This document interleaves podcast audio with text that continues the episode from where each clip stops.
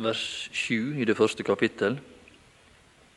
Bare et uttrykk som et utgangspunkt. En setning, halve setning der. Mens dere venter på vår Herre Jesu Kristi åpenbarelse. Det som har skjedd tidligere, før at første Korintiabrev ble skrevet, det er at Paulus tidligere har skrevet et brev til denne menighet. Og Det finner vi i det femte kapittel og det niende vers.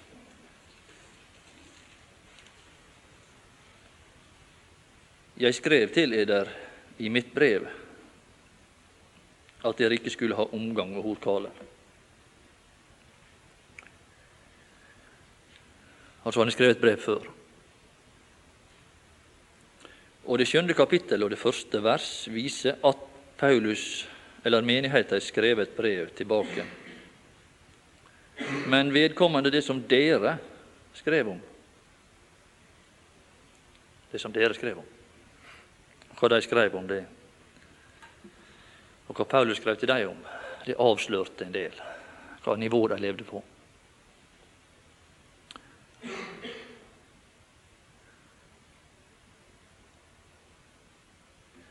Og sier gjerne det at hva munnen hva hjertet flyter over av, det taler hans munn.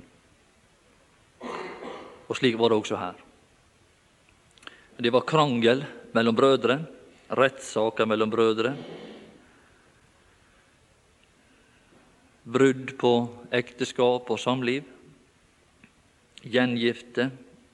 Synd som ikke engang står der nevnes iblant hedningene. Spørsmål angående avgudsoffer. I det hele tatt en voldsom fokusering og debatt omkring synlige effekter. Ytre, praktiske ting. Det var de opptatt av. Ting som faller i øynene, og grove, gjerne grove overtredelser. Dessuten så finner vi også en veldig fokusering på, i forbindelse med de gaver som var gitt til menigheten. En veldig dragning og fokusering på de gaver som hadde en veldig stor effekt ytre, i det ytre. Tungemålsgaven den var veldig ettertrakta, fordi at den gjorde så mye av seg. Og Derfor så eh, disse effekter de fikk en veldig stor betydning i denne menighet. Paulus han bare skriver slik ganske rolig angående dette, 14. kapittel og det 19. vers, at i menighetssamling vil jeg heller 14.11 Ja, 14.19 var det jeg skulle ha. Men i en menighetssamling vil jeg heller tale fem ord med min forstand, for derved å lære andre, enn 10 000 ord med tunge. Brødre, sier han, vær ikke barn i forstand. Altså, Han antyder her at det var nettopp det de var. De var barn i forstand, og Derfor så sa han det vær ikke lenger barn i forstand.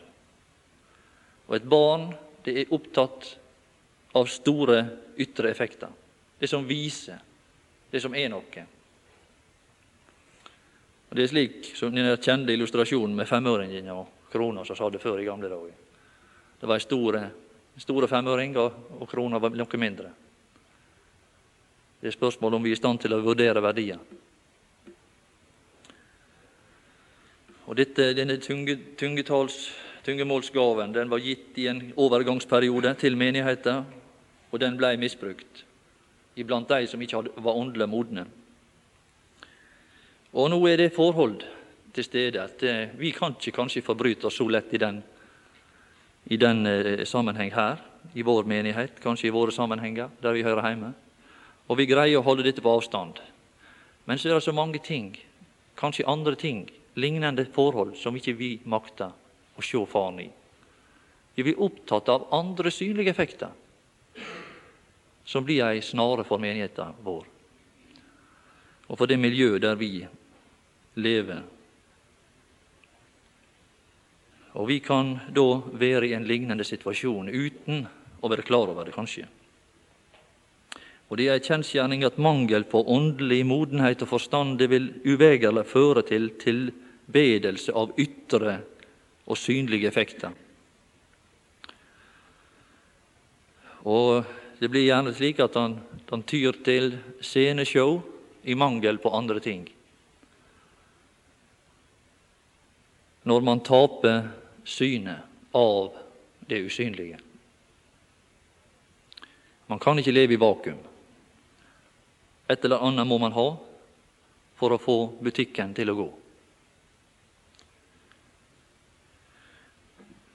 I det 22. kapittel i det 14. 22. vers i det 14. kapittel så sier Paulus det at så er da tungene til et tegn. Ja, men hvorfor? for? Hva for? For jødene. I denne oppstartningsfase så var det jøder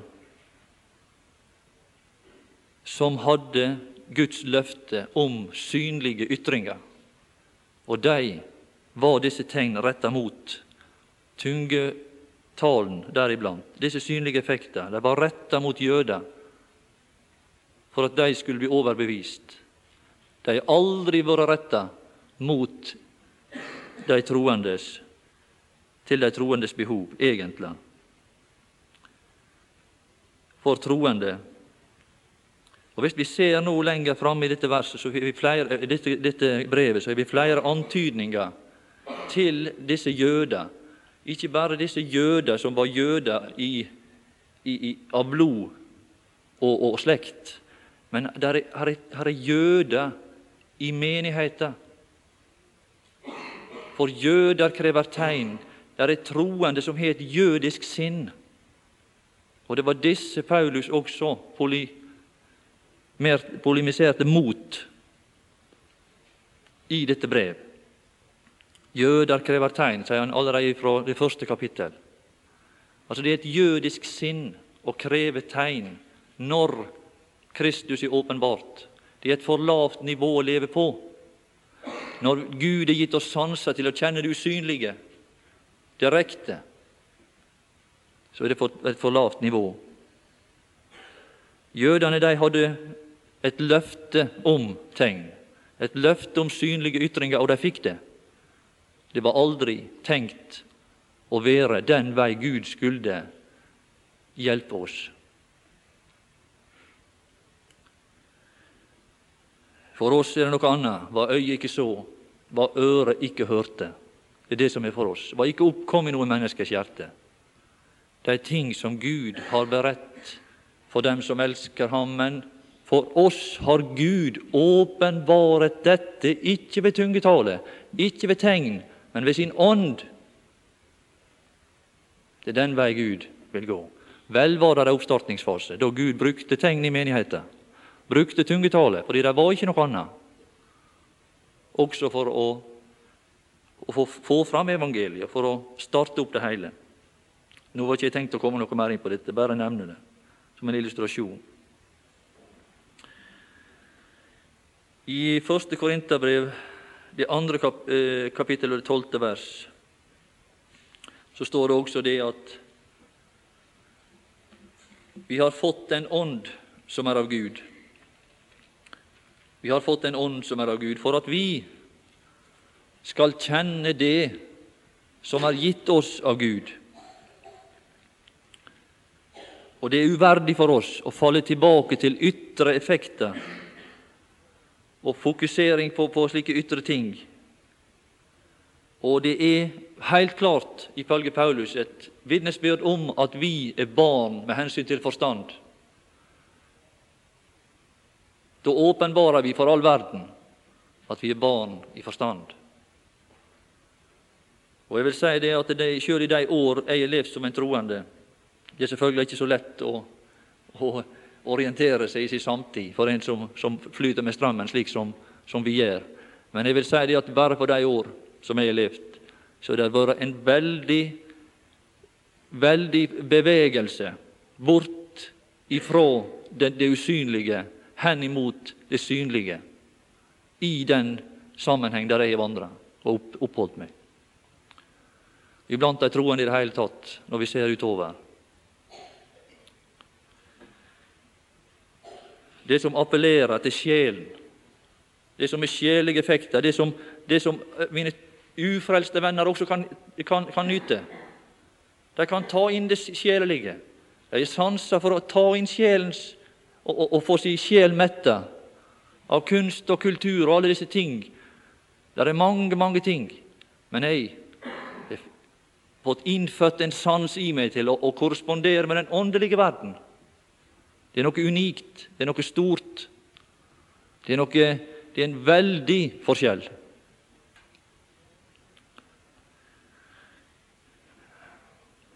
Og Vi ser her i Korint så hadde dette en veldig øyeblikkelig virkning. Det som skjedde der.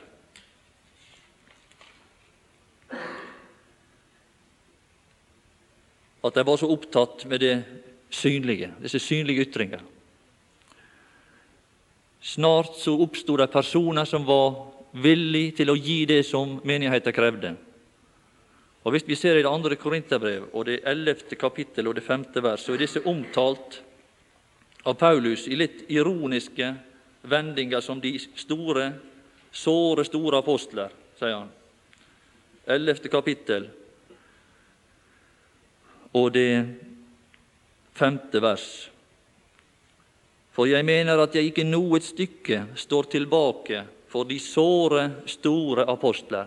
Her er personer som er kommet inn i menigheten. Det er ikke apostlene som er omtalt her, men det er noen personer som er kommet inn i menigheten som mener om seg sjøl at de er store, og som Paulus omtaler litt, i litt ironiske former.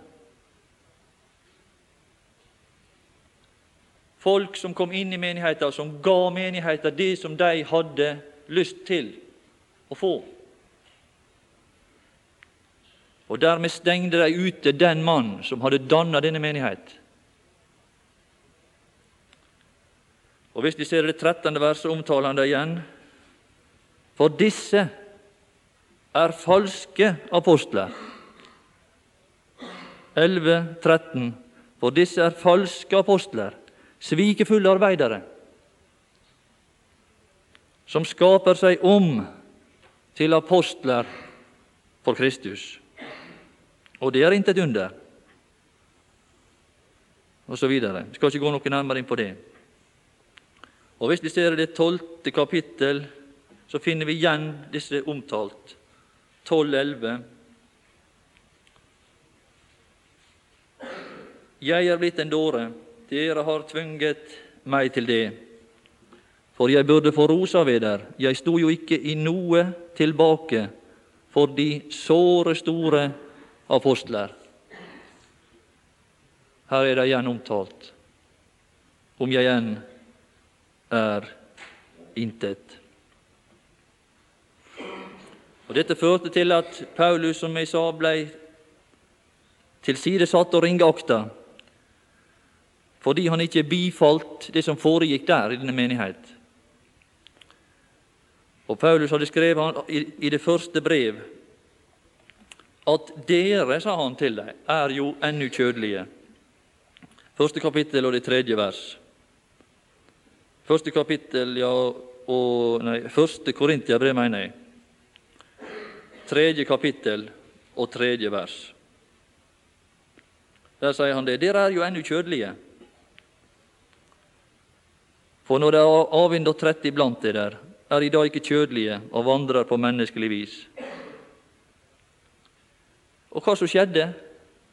Hva var det egentlig som skjedde? Ja, så fikk han det tilbake. Fikk han det tilbake midt i fleisen, som vi sier. Paulus, dette er feil. Det er du, Paulus, som er kjøtla. Ja, det har vi funnet ut. Det er du, Paulus, som er kjøtla. Og oss er åndelige. Det var konklusjonen. Og det finner vi rett ut sagt, eller Paulus liksom former det i det andre, andre brev, tiende kapittel. Andre Korinterbrev ti. Der finner vi at egentlig mente de det om han. Ti og tiende vers. For brevene, sier de, er myndige og djerve, men det legemlige nærvær er skrøpelig, og hans tale aktes for intet. Eller det, som jeg skulle, eh, det ord som jeg skulle ha der, det var det, var det andre kapittel.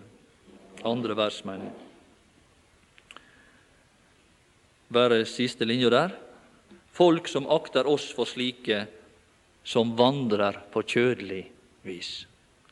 Ja, var Paulus du, Paulus, det som er slik.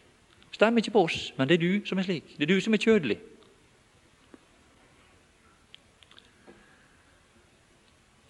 Det var fasiten de hadde om denne mannen.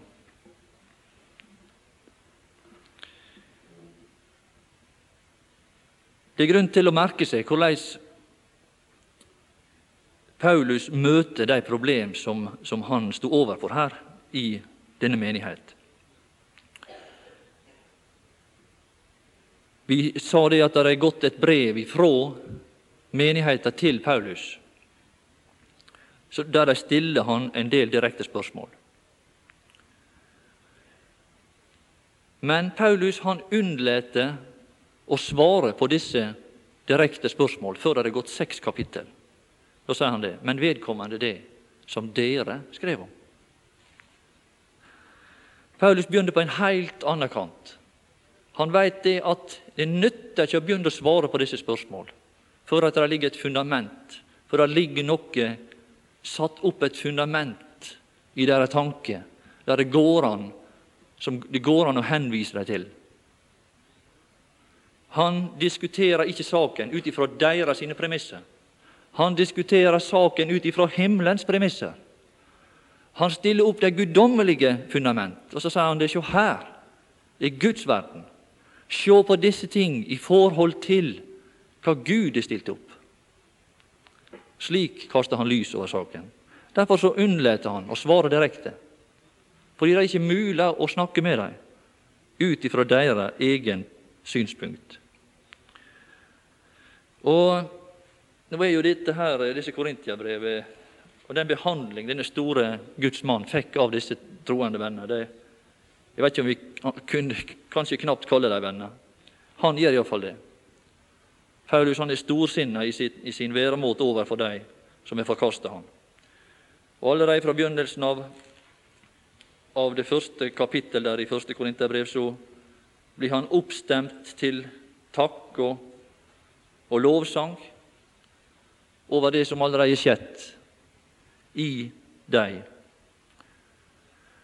Og han slår tydelig fast allerede fra begynnelsen av at fundamentet, frelsesfundamentet, det står fast. Frelsen står der.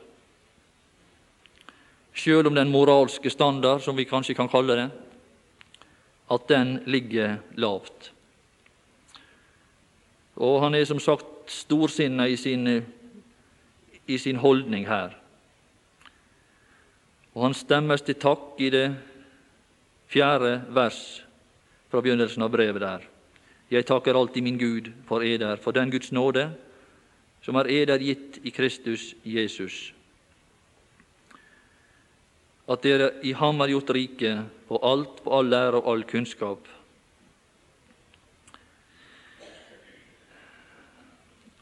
I allerede i vers 5 her så aner vi hva hen dette vil bære.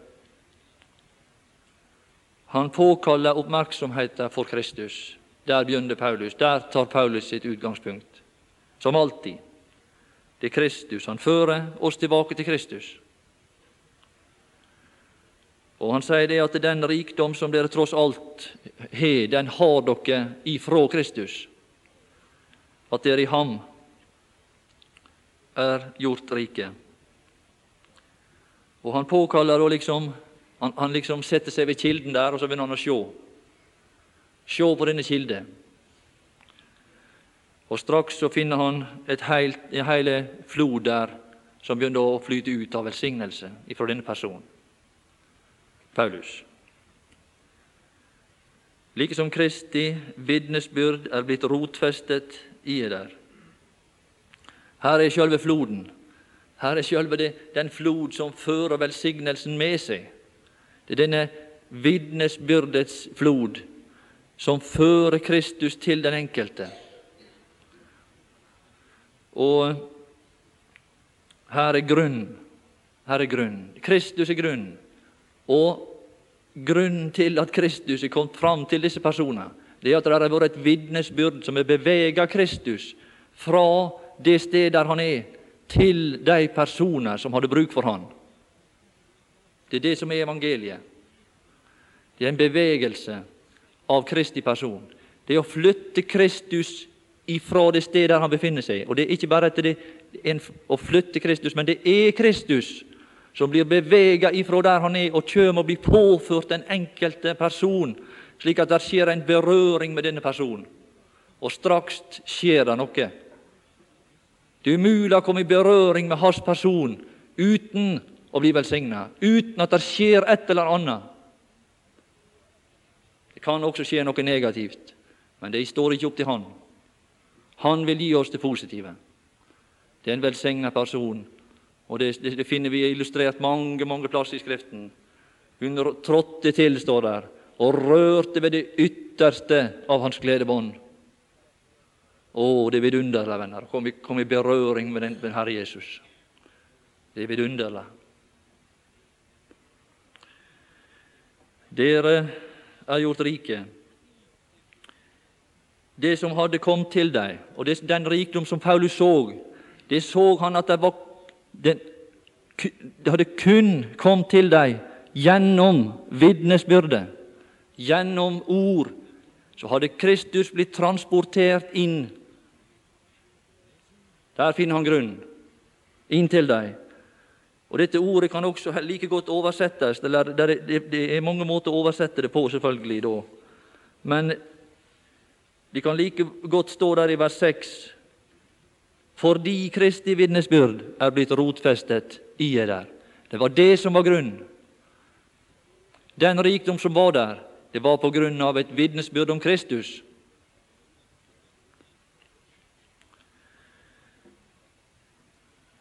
La oss videre legge merke til her hva han legger vekt på. Det er gjort rike, sa han, på alt. Men så, når han har talt om alt, så sier han på all lære og all kunnskap. Altså, han hever fram noen ting. Han løfter fram noen ting.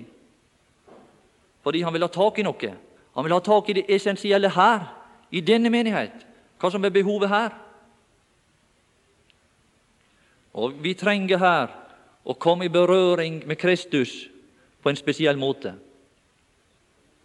En spesiell side ved Kristi person trenger vi å komme i berøring med.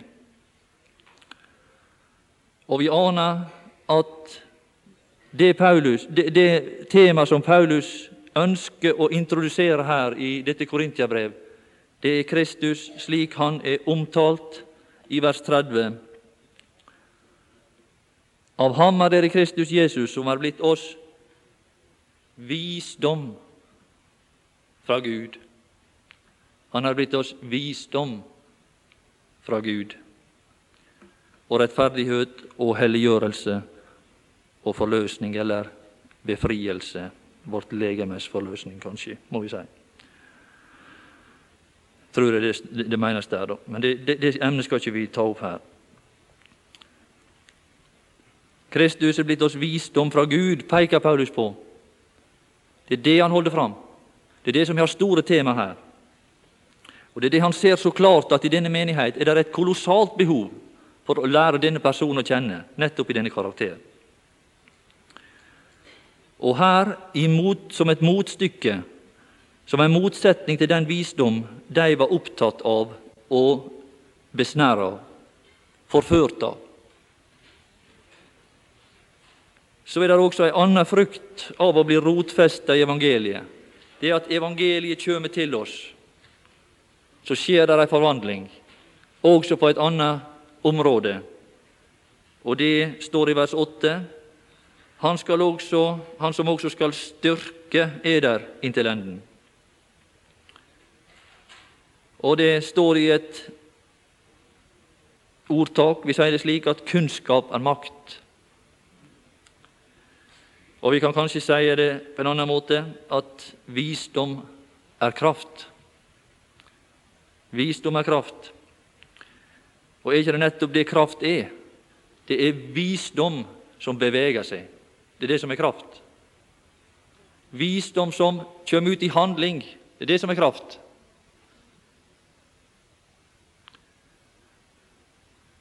Og disse to egenskaper, venner, de kommer til oss. Hvordan kommer de til oss? Like som Kristi vitnesbyrd er blitt rotfestet i eder. Det var da det skjedde noe i denne menighet. Det lille som hadde skjedd der, det er ikke sikkert det var så lite, på tross av disse mangler som vi så. Det hadde skjedd fordi at Paulus hadde talt til denne menighet i 18 måneder så hadde det skjedd ei utvikling.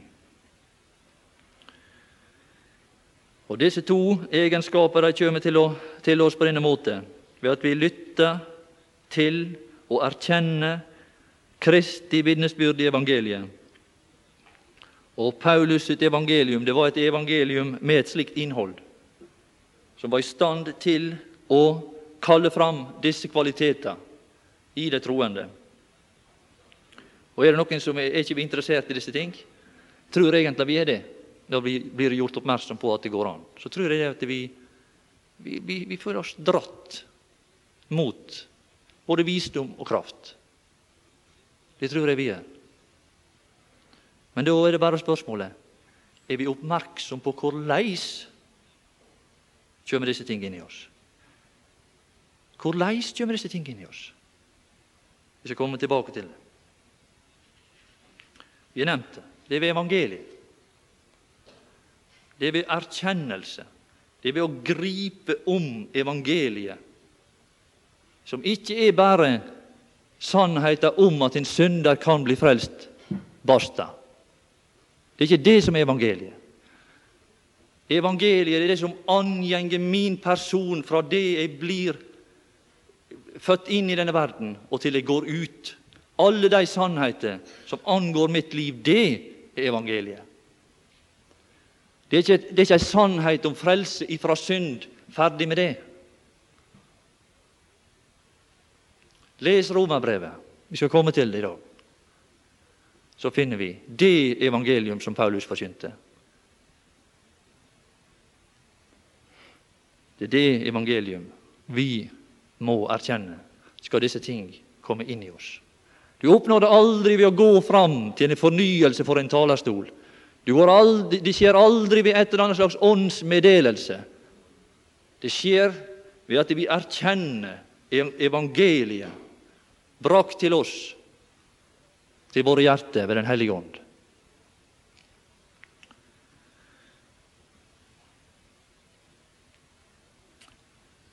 Hva er målet for denne kraft og denne visdom? Det står også i vers 8.: Så dere må være ulastelige. Så dere må være ulastelige. Er det vår stilling i Kristus det tales om? Nei. Det er ikke vår stilling i Kristus det tales om. Men her tales det om en visdom som skal bli vår, ei kraft som skal bli vår, slik at vi kan oppnå og søke og praktisere ulastelighet med hensyn til vårt liv og vår ferd.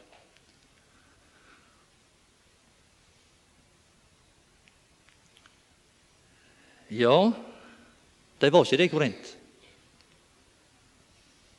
De var ikke det i Korint, stakkar. Men, men, vi, vet du Ohoi, vi. Vi kan ta dette med fatning. Vi kan ta det med ro, fordi hos oss er det bedre. Ja, Mykje bedre. Stakkars blinde korintere. Ja, men vi, vet du. Vers 9. Dere ble kalt til samfunn. med Hans Sønn. Dere ble kalt til samfunn med Hans Sønn Jesus Kristus. Denne kraft og denne visdom vil utfolde seg i et samfunn med Hans Sønn. I et samfunn med Hans Sønn som sønner av Gud. Der Sønnens jordeliv er vårt ideal, og der Han sjøl, men nå fra himmelen, er vår Herre. Slik vil det utfolde seg. Det står her samfunn med Hans Sønn Jesus Kristus, som er opphøya opp. Han har lagt et ideal her. Han har lagt et ideal her. Så, så er han opphøya til himmelen, hvorfra Han er vår Herre.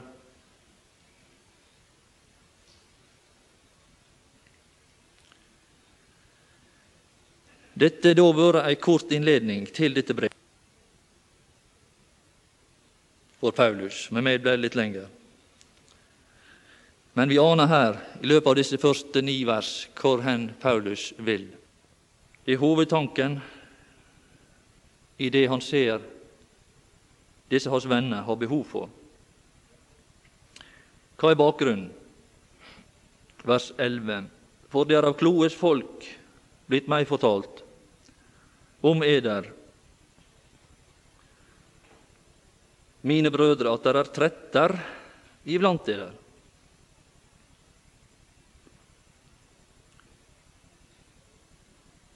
Det er mye som mangler i denne menighet. Det har kloes folk blitt meg fortalt. La oss lese også i det sjette kapittel og det åttende vers. 6-8. Men dere gjør urett og skade, og det mot brødre. La oss også ta med vers 5, samme kapittel. Til skam for sier jeg det, så finnes det da ikke noen vismann. Nei, det var det som mangla. Det var visdommen som mangla. Det finnes ingen vismann. Så tok han Kristus og sa her er han. Her er visdommen. Så finnes det da ingen vismann som kan iblant det der. Ikke en eneste en som kan skille 13 for sin bror. Han framsetter det som et, et spørsmålstegn. Er det virkelig så gale? Er det så lite visdom iblant dere? Men bror fører sak mot bror, og det får vantros domstol. Det er jo i det hele allerede et tap for eder at de har saker mot hverandre. Hvorfor lider ikke heller urett, hvorfor tåler I ikke heller skade? Derfor Derfor denne tale fra Paulus. Derfor kom han med Kristus i denne karakter.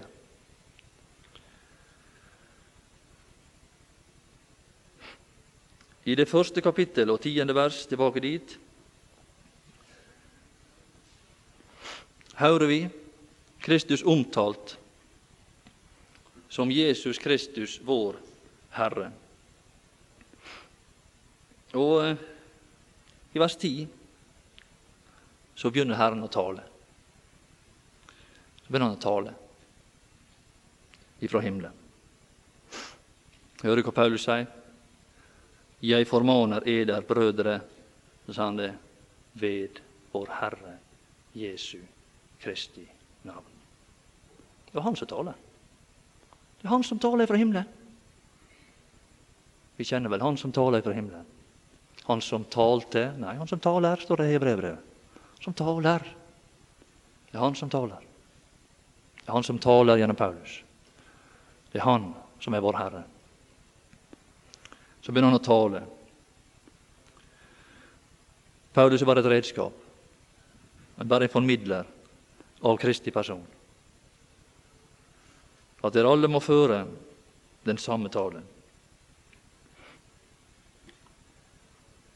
At dere må være at det ikke må være splid iblant dere, men at dere alle må være fast forenet i samme sinn og i samme mening. Og Det vi her forstår, er at vi skulle være forent i dette sinn som han hadde da han sjøl var i denne verden, han som taler i dag ifra himmelen. La Kristi sinn og bo hos dere. La dette sinn være i der, var det mente si, som òg var i Kristus Jesus. Men her er et annet problem som vi også møter her. Skal Kristus få nå sitt mål med oss og bli vår visdom, så er det noe som først må fjernes ifra oss. Denne visdom, denne verdens visdom, den må fjernes ifra oss. Ja, ja, så begynner Paulus med det. Vi må ta det først, sa Vi får ta det først. Ja, hvor finnes den kraft som skal få, vår, få denne visdom bort ifra oss? Hvordan skal vi makte det?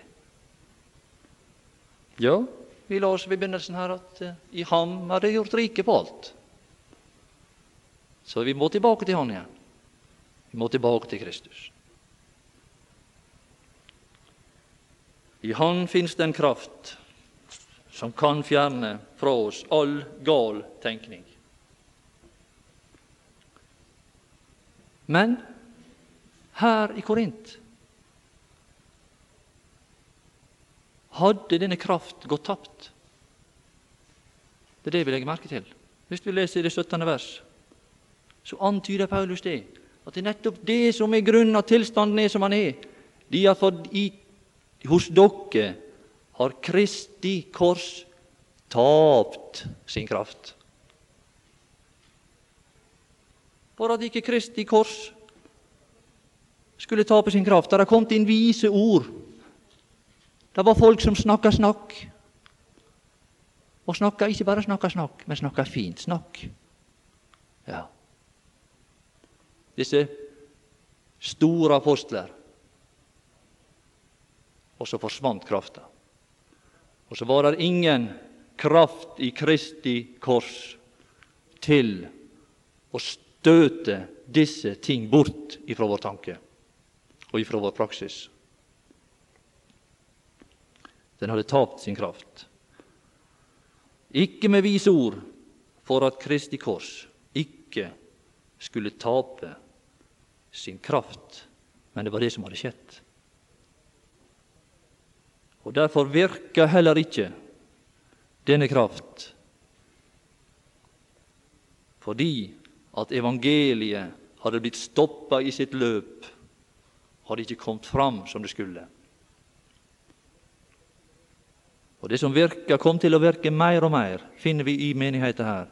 Det var nemlig verdslig tenkning og religiøst rituelle seremonier. Det er det som er vår fare. På samme måte skjer det hos oss. Kan det skje, og vil skje. Og det skjer sikkert i mitt liv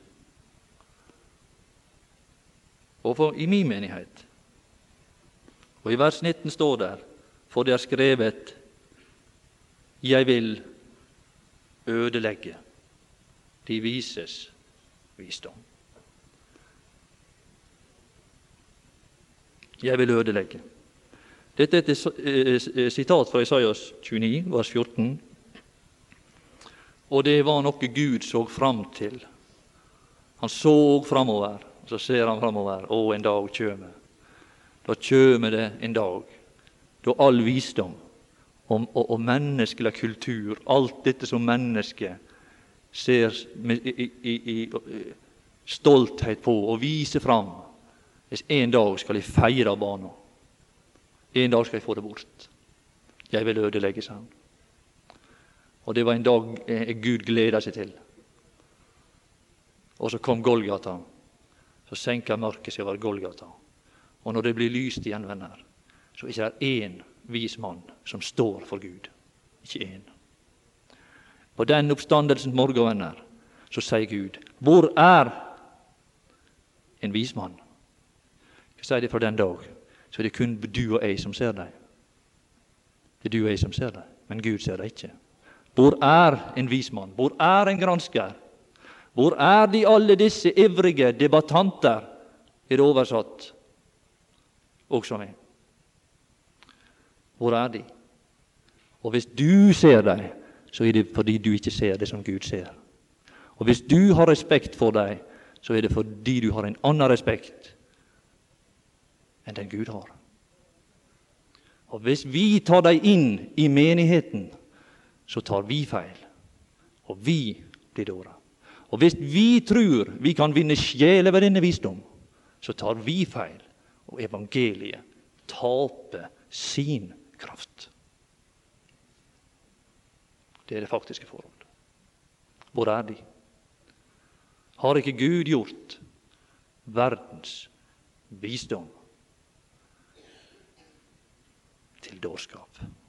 Legg merke Gud tar ikke umaken med å sammenligne seg med det dårligste. Han tar det beste, og så sier han det. Sammenlign, sammenlign nå, sier han. Og Legg merke også til det var ikke, det var ikke, det var ikke sivilisasjonens eh, eh, ytterpunkt, sivilisasjons og Korints eh, natteliv og all den umoral som var der, som, som Korint var, var, var berømt for, som Paulus polemiserte mot. venner.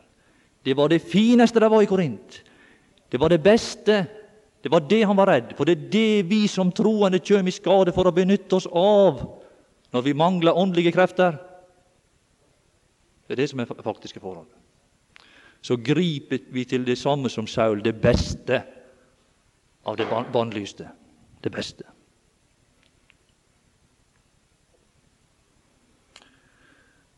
Når vi kommer i dette korinterbrevet, vi er kommet inn på oppstandelsens morgen. Og Gud ser i denne solfylte morgen utover denne verden. Og så har han forandra tida på dette sitatet fra Isaias, og så sier han Hvor er? Har ikke Gud gjort? Gud har gjort. Det er en ny tid. For Gud er det en ny tid. Er det blitt en ny tid for oss? Gud har gjort, og han ser det ikke lenger. Han ser ikke disse som røyser seg i ivrig debatt mot Gud, og som har forslag imot Guds visdom, for de borte. Det er skjedd for Gud. Gud har gjort verdens visdom til dårskap. Og når Han er vitne til disse tankebygninger, disse teorier, så ligger det disse tankebygninger Legg merke til uttrykket. Så er det ifra hans synspunkt kun utbrente ruiner, venner, som det for ingen er mulig å skjule seg i. For ingen. Det er tankebygninger som er som ruiner. Det er uegnet for alle å bo i dem. Paulus han hadde en strid som han, som han eh, forteller oss her i det andre kapittel. Vi skal slutte, bare lese det. Tiende, andre, kapittel, andre Korinterbrev, tiende kapittel. Der kjenner vi disse kjente uttrykk. Disse tankebygninger. Han hadde en strid, Paulus, som han begynte allerede på fra kapittel 1 her i første Korintiabrev og som han fortsetter begge under begge disse to brev. Det samme tema. Og han sier det for våre Ja, jeg kan lese 10.3 der. For om vi vandrer i kjødet, så strider vi, dog ikke på kjødelig vis, for våre stridsvåpen. Det var disse tankebygningene han tenkte på, disse, disse ruiner som ble stående, venner. Som blir stående hos oss sjøl om Gud har revet dem ned. Forstår du? Altså Det er tankebygninger som er helt uegnet til å skjule seg i. Men de blir stående fordi vi ikke ser ting. Vi ser ikke tingene som Gud ser dem. Og så holdt Paulus på med å rive dette ned, få det vekk. Idet vi omstyrter ja, Våre stridsvåpen er ikke kjødelige, men mektige for Gud til å omstyrte festningsverker. Hvor er disse festningsverker? De er inni oss, i vårt hode, i vår tanke og iblant oss disse festningsverk. som er bygd opp av mennesker for å holde kunnskapen om Gud ute, for å motstå den godhet og den kjærlighet og den sannhet og den virkning som er i evangeliet. Hva skulle de gjort uten, uten Darwins eminente lære? Ja, hva skulle de gjort uten? Det er slike slik tankebygning som reiser seg, som folk kryper inn i for å bo der. Det eneste alternativ for mange, hvis de måtte ha gitt opp denne bygning, det var å bøye seg i støvet for, evangeliet. Det er ikke noe alternativ. Ja, jeg la oss ikke ut her mektige for Gud til å omstyrte festningsverker i det vi omstyrter tankebygninger, tankebygninger. Og enhver høyde som reiser seg mot kunnskapen om Gud og tar enhver tanke til fange under lydigheten mot Kristus. Herre Jesus, velsign ditt ord for oss, at vi kan gripe det, også med vår fornuft, og at det kan komme inn i oss og styre også våre følelser, og bli en del av vår person. Vi ber i Jesu navn.